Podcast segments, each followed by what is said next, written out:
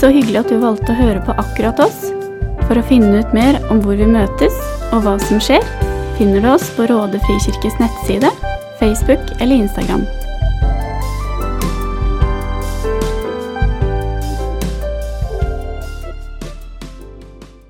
Kjære trofaste far.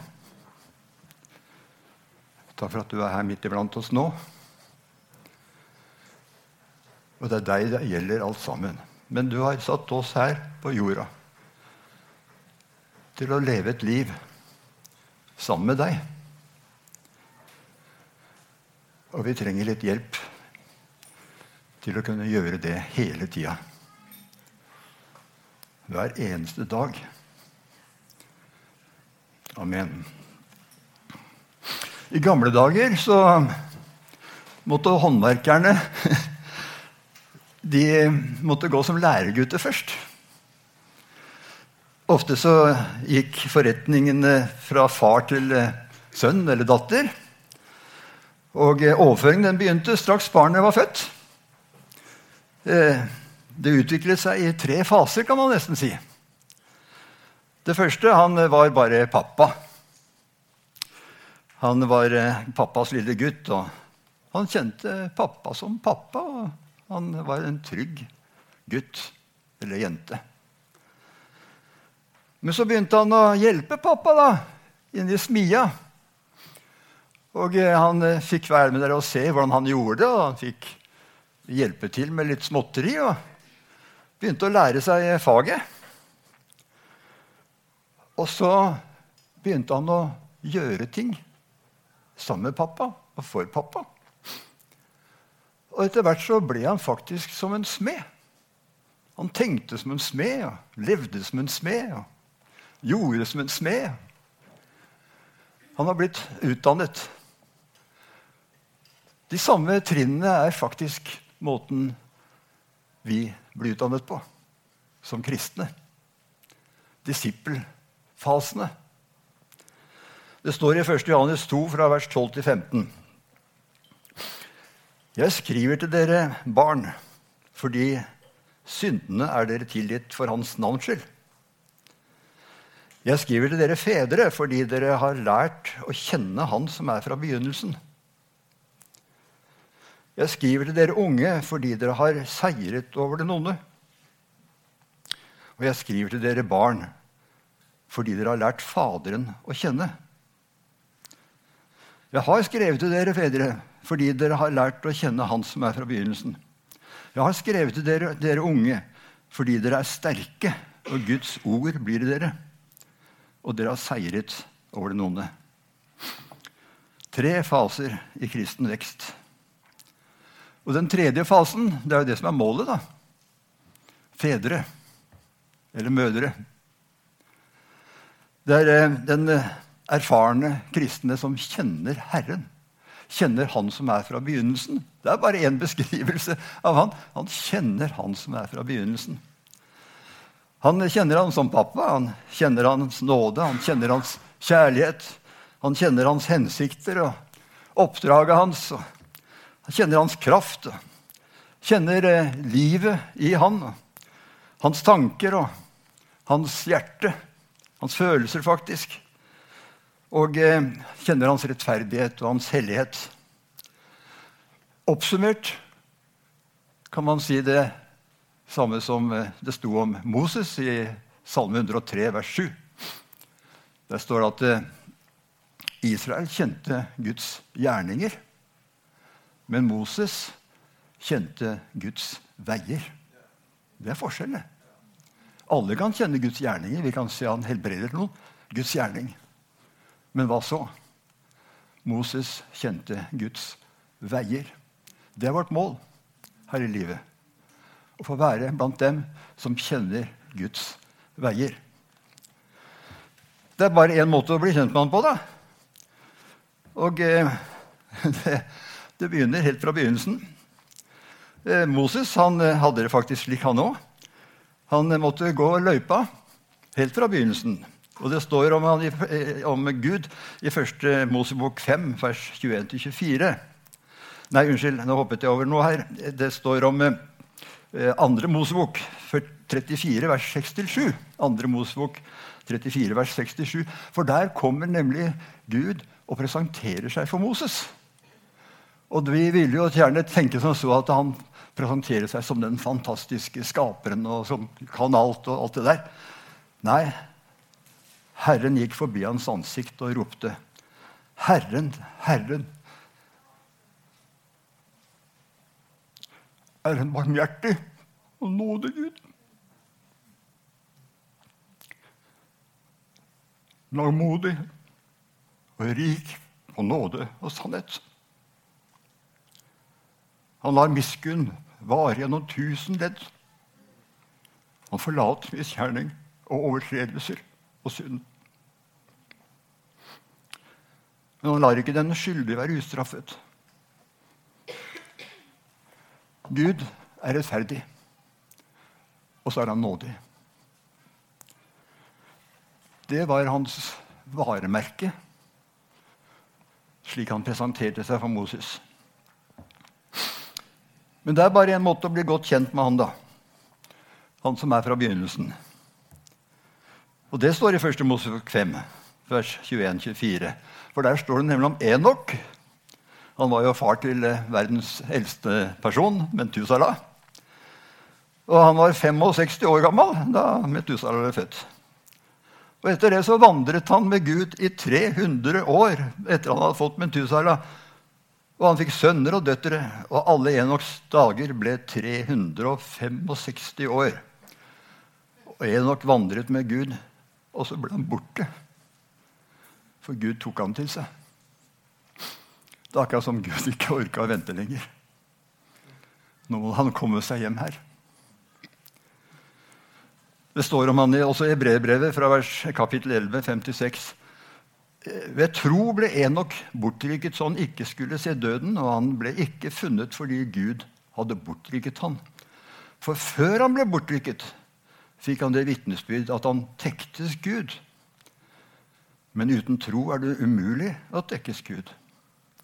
For den som trer fram på Gud, må tro at han er til, og at han lønner den som søker ham. Nå er ikke vi Enok, og vi lever heller ikke i Gamletestamentet. Vi lever i Nytestamentet. Og faktisk i Nytestamentet står det ingenting om å vandre med Gud. ikke det litt rart? Nei, det er ikke så rart. Det står nemlig noe annet. Dersom dere er oppreist med Kristus, da vandre i ham, står det. Vi har kommet i en helt ny fase. Så det å kjenne Gud det kommer da av, av, å sette sin lit til han og vandre med han. Eller vandre i Kristus, som vi har blitt kalt til å gjøre. Vi blir nemlig ikke kjent med en person bare ved å høre, på, høre om han på gudstjeneste eller, eller, lese om han. Vi må ha samfunn med han, fellesskap. Det er i de intime stundene der vi, vi får dele vårt innerste med han, og han faktisk får dele sitt hjerte med oss og eh, snakke sammen om omstendigheter og planer og, og, eh, det vi skal gjøre, det han vil vi skal gjøre. Et uh, værefellesskap hvor vi møter han. Men det er bare én måte å bli kjent med Gud på. Det er en annen måte òg. Dette var et sånt intimt værefellesskap. Men det fins også et aksjonsfellesskap, et gjørefellesskap. Vi blir ikke godt kjent med noen før vi begynner å gjøre ting sammen. Eh, jeg har fortalt om det før. Vi dro på Polentur, sånn, sånn hjelpesending her. Vi var vel eh, tre stykker her fra menigheten, pluss en kar til. Som dere alle sammen som har vært her en stund, kjenner. Og eh, på den turen må jeg si at jeg ble kjent med disse gutta på en annen måte enn før. Da merket jeg litt om eh, hvordan de reagerte på ting, hva de tenkte om ting, og hvilke initiativ de tok. Og jeg ble veldig oppmuntret. Men jeg fikk også se sider som eh, jeg kanskje ikke var like begeistret for. Så tenkte jeg oi, de har jo blitt like godt kjent med meg. tenkte jeg. Så jeg lurte på hvordan de tenkte. Men eh, Vi blir kjent med hverandre når vi jobber sammen, når vi gjør noe sammen, når vi tjener sammen med Herren. Da blir vi kjent med Han. Opplever hans omsorg, hans gleder og sorger og hans lidelser. Oppleve hensikten med livet. Oppleve Guds reaksjoner. Oppleve hvordan han tenker om ting som vi kommer midt oppi. Oppleve hans integritet, at han holder sitt ord. Oppleve at han er trofast. At vi kan tro på han, satse på hans løfter på hans ledelse. Som det står i Efeserne 4, fra vers 12 til 13, for at de hellige kunne bli fullkommengjort til tjenestegjerning til Kristi legemes oppbyggelse, inntil vi alle når fram til enhet i tro på Guds sønn, i kjennskap til ham, til manns modenhet, til aldersmålet for Kristi fylde. I vanskelige og skremmende situasjoner så vel som de gode, velsignelsesrike situasjonene. Jeg har fortalt om det før for dere som har hørt til her. Hvordan jeg opplevde at eh, jeg hadde fått eh, problemer med hjertet. Og, og jeg fikk beskjed av legen at jeg ikke, måtte ikke dra noen steder. Eh, og jeg måtte ringe med en gang jeg kjente noe, i stille tilstand. Og der var jeg alene hjemme, for at Kari og barna var reist på fjellet. Og jeg skulle egentlig reist etter, men fikk ikke lov av legen. Jeg visste at dette var denne sykdommen var til døden, for det hadde jeg fått klar beskjed om eh, tidligere. Men, eh, men eh, jeg lå og kjente etter. da. Kom det noe, liksom? Og jeg gjorde mine forholdsregler. Telefonkatalogen sto oppe på der jeg skulle ringe. og Jeg hadde åpna døra, så folk kunne komme inn. Ikke møte låst dør hvis de skulle komme og hente meg. Jeg fikk ikke sovet. Jeg visste at jeg, dette var ikke til døden, men jeg var redd for at jeg skulle bli skadet for livet. Og satt tilbake. Til slutt så måtte jeg bare spørre Gud hvordan tenker du om dette. her? Og så kom det. Om du går gjennom dødsskyggens dal, så er jeg med deg! Jeg sovna på et halvt minutt.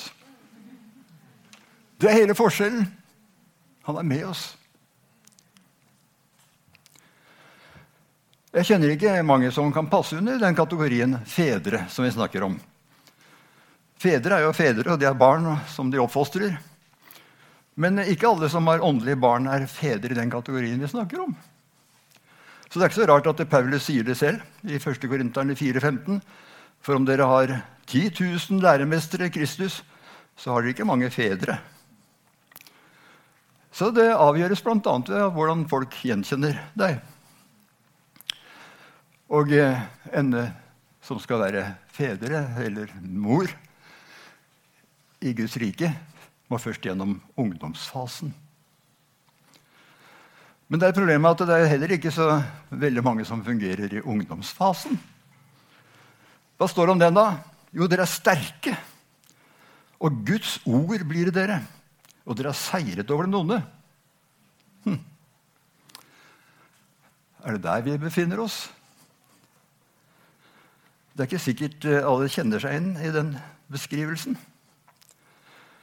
De unge de er i en fase der de må bestemme seg for hva de vil med livet sitt.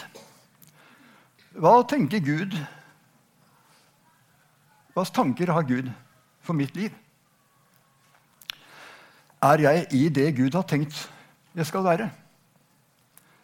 Vi kjenner jo alle disse ordene fra Salme 139, vers 16 og utover. Da jeg bare var et foster, så så mitt dine øyne meg. I din bok ble de alle oppskrevet, de dagene som ble fastsatt da ikke en av dem var kommet. Er jeg i de tankene? Hva skal vi ha med oss hjem, da? når vi en gang skal hjem. Eller bli hentet. Det kan hende vi blir hentet hele gjengen her om ikke så lenge. Den tida vi lever i nå. Eh, samle, sam, sam, samle, dere ikke skatter på jorden, hvor møll og rust tærer, står det, og hvor tyver bryter inn og stjeler. Men samle dere skatter i himmelen, hvor verken møll eller rust ødelegger, og hvor tyver ikke bryter inn og stjeler. Skatter. Hva er våre skatter? Det som er viktig med dette med skatter, det er at det, skattene er der hvor hjertet vårt er. Det som opptar oss, Vi prioriterer. For der skattene deres er, der vil også deres hjerter være, står det i Matteus. Nei, det er ikke Matteus, det. Nå husker jeg ikke hvor det står engang. Eh, det spiller ingen rolle. Men i alle fall Vi forstår at eh, det er viktig at vi har oppdaget den skatten som vi er kalt til å søke. Hvorfor skulle jeg bruke livet mitt til å samle skatter i himmelen? Jo, det er fordi at himmelens rike er som en skatt som er gjemt i en aker, og som en mann fant og skjulte, og i sin glede så gikk han bort og solgte det han hadde, og kjøpte akeren fordi han var opptatt av skatten. Og hva er vår skatt? Det er Guds rike. Guds rike er den skatten som vi kan søke. Søk det som er der oppe, står det i Kolossenbrevet, tredje kapittel. Søk det som er der oppe, hvor Kristus sitter ved Faderens høyre hånd. Den unge han forstår det, så han tenker annerledes enn folk flest. Han tenker Matteus 6,33. Søk da først Guds rike og hans rettferdighet. Så skal alt det andre komme i tillegg. Jeg bør ikke ha bekymre meg om de andre tingene. Så sammenhengen er klar. Det nytter ikke å søke Guds rike først bare fordi det står i Bibelen. Eller en prediker sier det. Det må være noe fra hjertet. Der hjertet er. Ikke et strev eller noe som jeg må prøve å få til. Så enten må hjertet forandres, eller så må verdien av Guds rike oppdages. Og Det er to sider av samme sak. Så Guds ord blir i dem, står det. Og de er sterke. Ikke karaktersterke, men åndelig sterke. Det står om Johannes døperen at han vokste opp og ble sterk i sin ånd. Og denne onde sår oss selvfølgelig løgner som eh, vi tenderer til å tro på. At eh, skatter på jorden er så viktig. Eller at skattene i himmelen er uoppnåelige. Og så gir vi opp. Men eh, ofte så er problemet rett og slett at vi aldri virkelig har fått oppleve å være Fase 1. Kjenne Faderen. Paulus han søkte jo Gud. Han var grepet av Jesus. han. Det var derfor. Så ikke at jeg allerede er grepet, har grepet det eller allerede er fullkommen, men jeg jager etter det, om jeg kan gripe det ettersom jeg er grepet av Kristus Jesus. Og i det å jage etter den ungdomsfasen hvor jeg elsker Guds ord og, og eh, alt dette her, så nytter det ikke å bare ta til seg det. Det må komme fra hjertet. Det må bli grepet av Jesus. Skal man gjennom ungdomsfasen for å da bli fedre en gang, den modne kristne, så må man først ha en sunn barndom. Og for å ha en sunn ungdom. Det var en periode i mitt liv at jeg trodde jeg var i ungdomsfasen. Jeg stupte rett inn i den, faktisk. Og jeg leste Bibelen eh, gjennom på et år. Jeg studerte Bibelen, jeg leste Bibelen hver dag. Jeg eh, studerte Bibelen, som sagt. Jeg mediterte på den, og jeg memorerte bibelvers. Og eh, jeg hadde lange bønnelister. og Jeg var virkelig på hugget og brukte mye tid på å utruste meg som kristen. Og så holdt det på å ta livet av meg. Det blir bare strev. Jeg kom på etterskudd med alt. Og jeg følte, meg at, følte det som så at det sånne som meg kan ikke Gud bruke. Nøtteren for meg. Jeg var plutselig i Sarp. Er det ikke der det heter? Nøttern. Siden så har jeg prøvd å være i Fredrikstad. Det ordner seg. Men jeg gjør ikke det heller, uten videre. Så jeg flytter helt til Halden, ja, for der står det at Gud er med. Men eh, det ble bare strev. Og eh, som eh, jeg, jeg, følte på en måte at jeg kjørte på selvstarter. Det tok ikke av. Hva er grunnlaget for barnet? Nå så vi Emma var her i stad. Jeg husker Det var en dame nede på Sørlandet som fortalte om en drøm hun hadde hatt. Hun hadde kommet inn i et rom, og der inne var det masse eh, barne, eh, barnevogner. Og når hun gikk inn og kikka oppi, så så hun jo ja, men det er jo folk i menigheten som ligger oppi der. Og så sa hun å, det er så godt å være barn. Det er så godt å være Guds barn. sa de. Men du vet, hvis Emma er slik som vi så henne i dag om ti år, da er det noe gærent. Er det ikke det? Det er godt å være Guds barn. Men hva er det som er godt med det? Jo, det er at vi har fått tilgivelse for alle våre synder. Det var det ene beskrivelsen. Altså, Det er ikke noe borti et mørkt hjørne, noe som jeg holder fast på. Eller noe som jeg aldri klarer å få seier over.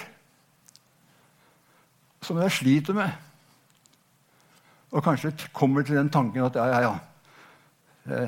Jeg er jo bare ufullkommen, så får det bare være slik. Men inni meg så er jeg full av skyld og skam. Og tenker at Gud kan ikke bruke sånne som meg. Det er det ene. Det andre som gjør det så godt å være barn, det er at vi kan få kjenne Abba, pappa. Vi kan få kjenne han og hans hjerte, hans godhet, hans nåde, hans miskunnhet, hans trofasthet. Vi er alle Guds barn. Den egentlige relasjonen med Frelseren og med Faderen, det er det som er kristenlivet. Alt det andre kommer ut av det. Tilbake til smedens sønn. Han kjente ikke smeden, men han kjente pappaen. Han ville være hos pappa, han ville være med pappa. Han ville gjøre som pappa, sammen med pappa. Alt begynner med pappaforholdet. Med å være For å ha denne tillitsfullheten og oppleves akseptert og syndene tilgitt.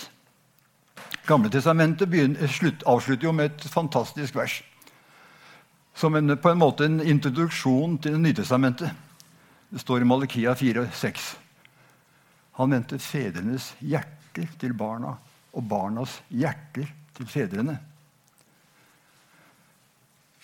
Det handler ikke bare om kjødelige fedre og barn. Det handler om Guds hjerte til barna og barnas hjerte til han. Hva skjedde i Nytestamentet? Jo, da Maria møtte Jesus i gravhaven etter at han hadde stått opp, da var nemlig alt fullbrakt. Og da ba han henne hilse ikke dine disipler, men hilse sine brødre. Og så sa han, 'Jeg har gått til min far og deres far.' Til min Gud og deres Gud. Plutselig så hadde de fått et pappaforhold til Gud.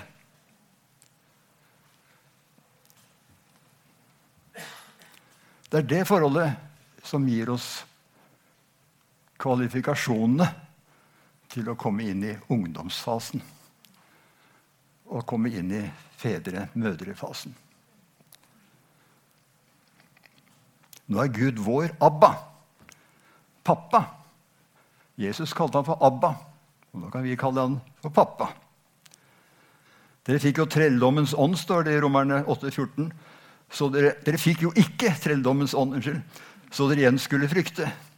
Altså det, det der trellstrevet som jeg fortalte at jeg var i med å lese Bibelen osv. Det var ikke det jeg fikk nå. Men jeg fikk barnekårets ånd, som gjør at vi roper 'Abba', pappa. Hvorfor elsker Gud oss egentlig? Ja, Selvfølgelig fordi han er pappaen vår. Vi elsker våre barn selv om de ikke oppfører seg. Men hva når jeg faller, faller da, eller er ulydig mot han? Jeg skal fortelle hvilket ord som fikk meg til å bestemme meg for å en, ta imot Jesus. Det var Romerne 5,8. For der står det at det, han elsker oss mens vi ennå er syndere. Slik kjærlighet har Gud vist oss at han elsker oss mens vi ennå var syndere. Da skjønte jeg at det, oi, da må jo kristenlivet være noe bra. Ja, men så har han blitt kristen, da. da vi vet jo at han elsker syndere. Alle er klar over det. Det kan jo Johannes 3, 16. Men nå som jeg er blitt kristen, da må jeg vel fortjene det på en eller annen måte. Da må jeg vel være snill gutt. Ja, fortjene det? Hvordan i all verden skal jeg fortjene noe jeg er? Jesus elsker ikke søppel. Han elsker bare det som er verdifullt. Og så står det da at så sier Herren, som skapte deg, og som dannet deg, frykt ikke, jeg har gjenløst deg og kalt deg ved navn, du er min. Og når du går gjennom vann, så er jeg med deg. Og gjennom elver så skal de ikke overskylde deg. Hvorfor? Fordi du er dyrebar i mine øyne. Og jeg elsker deg. Gud elsker ikke søppel. Hm. Jeg skal fortelle deg hva det første jeg gjør når jeg våkner om morgenen. Setter beina på gulvet. Noen av dere vet det. Jeg har fortalt det før. Da sier jeg, 'Her er jeg, pappa. Han som du elsker.' Jeg gleder meg til å være sammen med deg i dag. Jeg føler meg så trygg, vet du. Fordi jeg vet at det, det er ikke mitt fantastiske liv som kan få Gud til å elske meg. Og det er ikke mitt miserable liv som kan få ham til å slutte å elske meg. Det er fordi jeg er verdifull.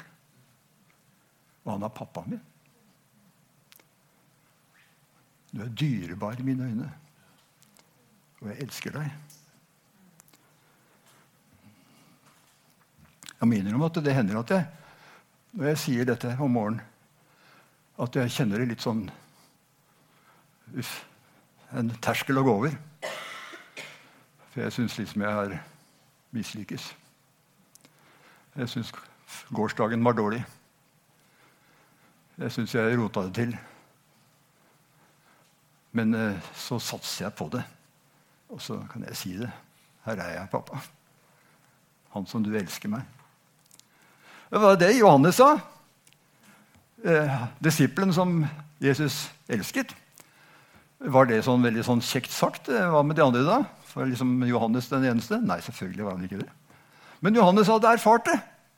Han hadde oppdaget det. Da kunne jeg si 'Han som du elsker'. Det var blitt helt personlig for han.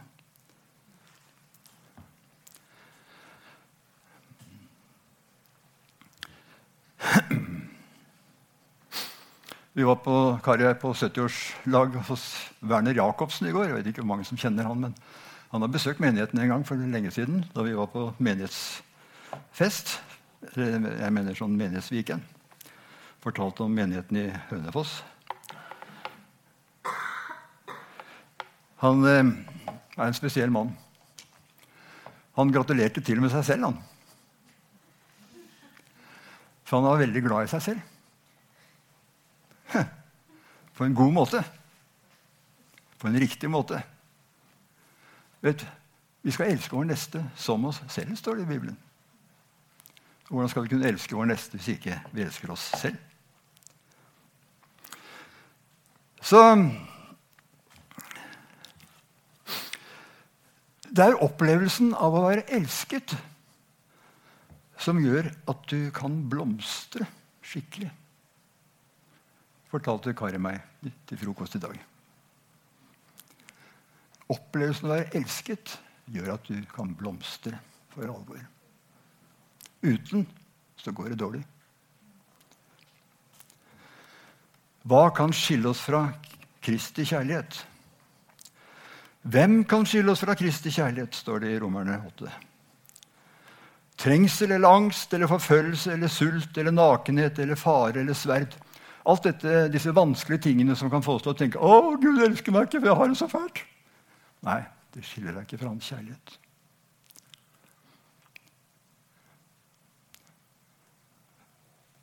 Det får oss heller til å søke han for å erfare at han er der og elsker oss midt oppi alt. For jeg er viss på at verken død eller liv, verken engler eller krefter, verken det som nå er, eller det som komme skal, eller noen makt, verken høyde eller dybde, eller noen annen skapning skal kunne skille oss fra Guds kjærlighet i Kristus Jesus, vår Herre. Det er ganske godt understreket, kan man si. Men eh, du vet, det er jo allikevel én ting som kan skille deg fra Guds kjærlighet og det er din synd. Nei!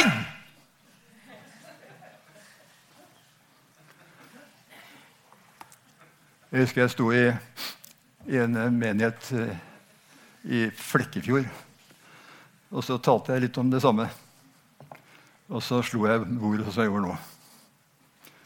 Jeg ble sint, nemlig, for jeg så at folk trodde meg. Jeg så at folk trodde på det jeg sa. Din synd kan skille deg fra Guds kjærlighet. Så jeg ble sinna, og så slo jeg bordet og sa nei! Det var to eh, dans ja, på, den, på den, i den menigheten der.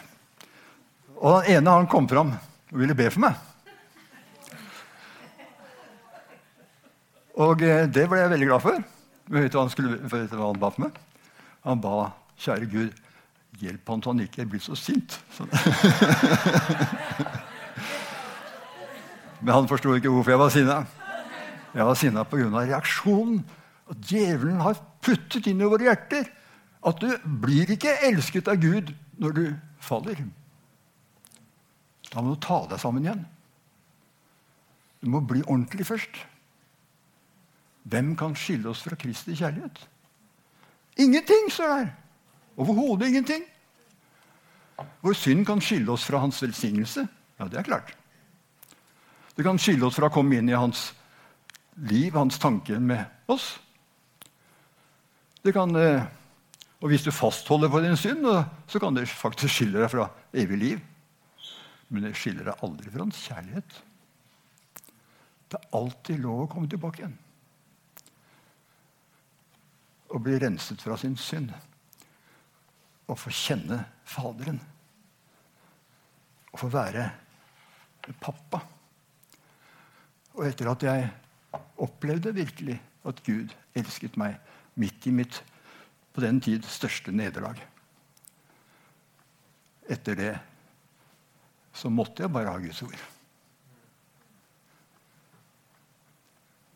Da ble ikke bønn lenger et strev. Da ble ikke det å gjøre de tingene som Gud hadde bedt meg om, til noe vanskelig. Det er ikke det at jeg aldri har falt tilbake i de gamle syndene som jeg snakker om, med å begynne å streve. Det må jeg innrømme at jeg har gjort. Men jeg kan komme tilbake igjen og vite at jeg, jeg er pappas gutt. Jeg. Han elsker meg. Han jeg er han som han elsker. Jeg får begynne på nytt. Hele tida. Ja, far, jeg vil bare takke deg. Du er så verd, å takke. Takk for at du er pappaen vår, Herre. Takk for at du elsker oss så høyt. At du ga din egen sønn for at vi skulle få komme inn i familien din og få kjenne ditt hjerte, kjenne dine tanker og få vandre i Kristus.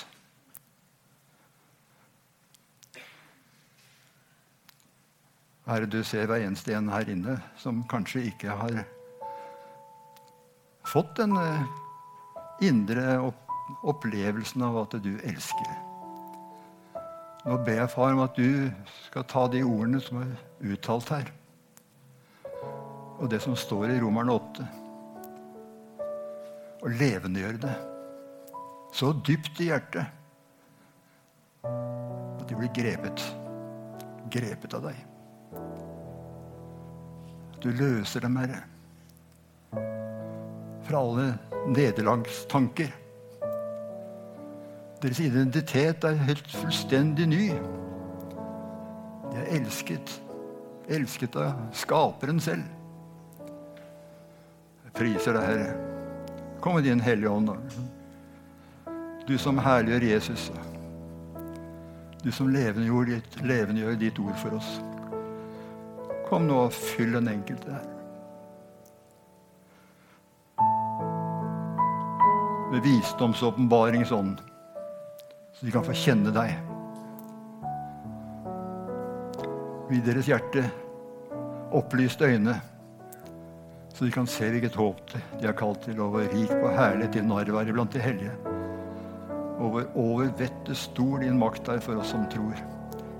Til virksomheten av din veldige kraft, du, som du viste på Jesus da du vakte han opp fra de døde. Halleluja. Amen.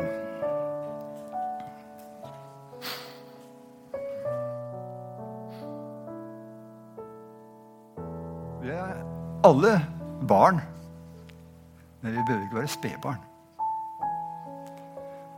Vi kan få vokse til ungdom og til fedre og mødre som kjenner Han som er fra begynnelsen. Takk for at du hørte på. Håper vi møtes her eller i Frikirken neste søndag. Ha en nydelig uke.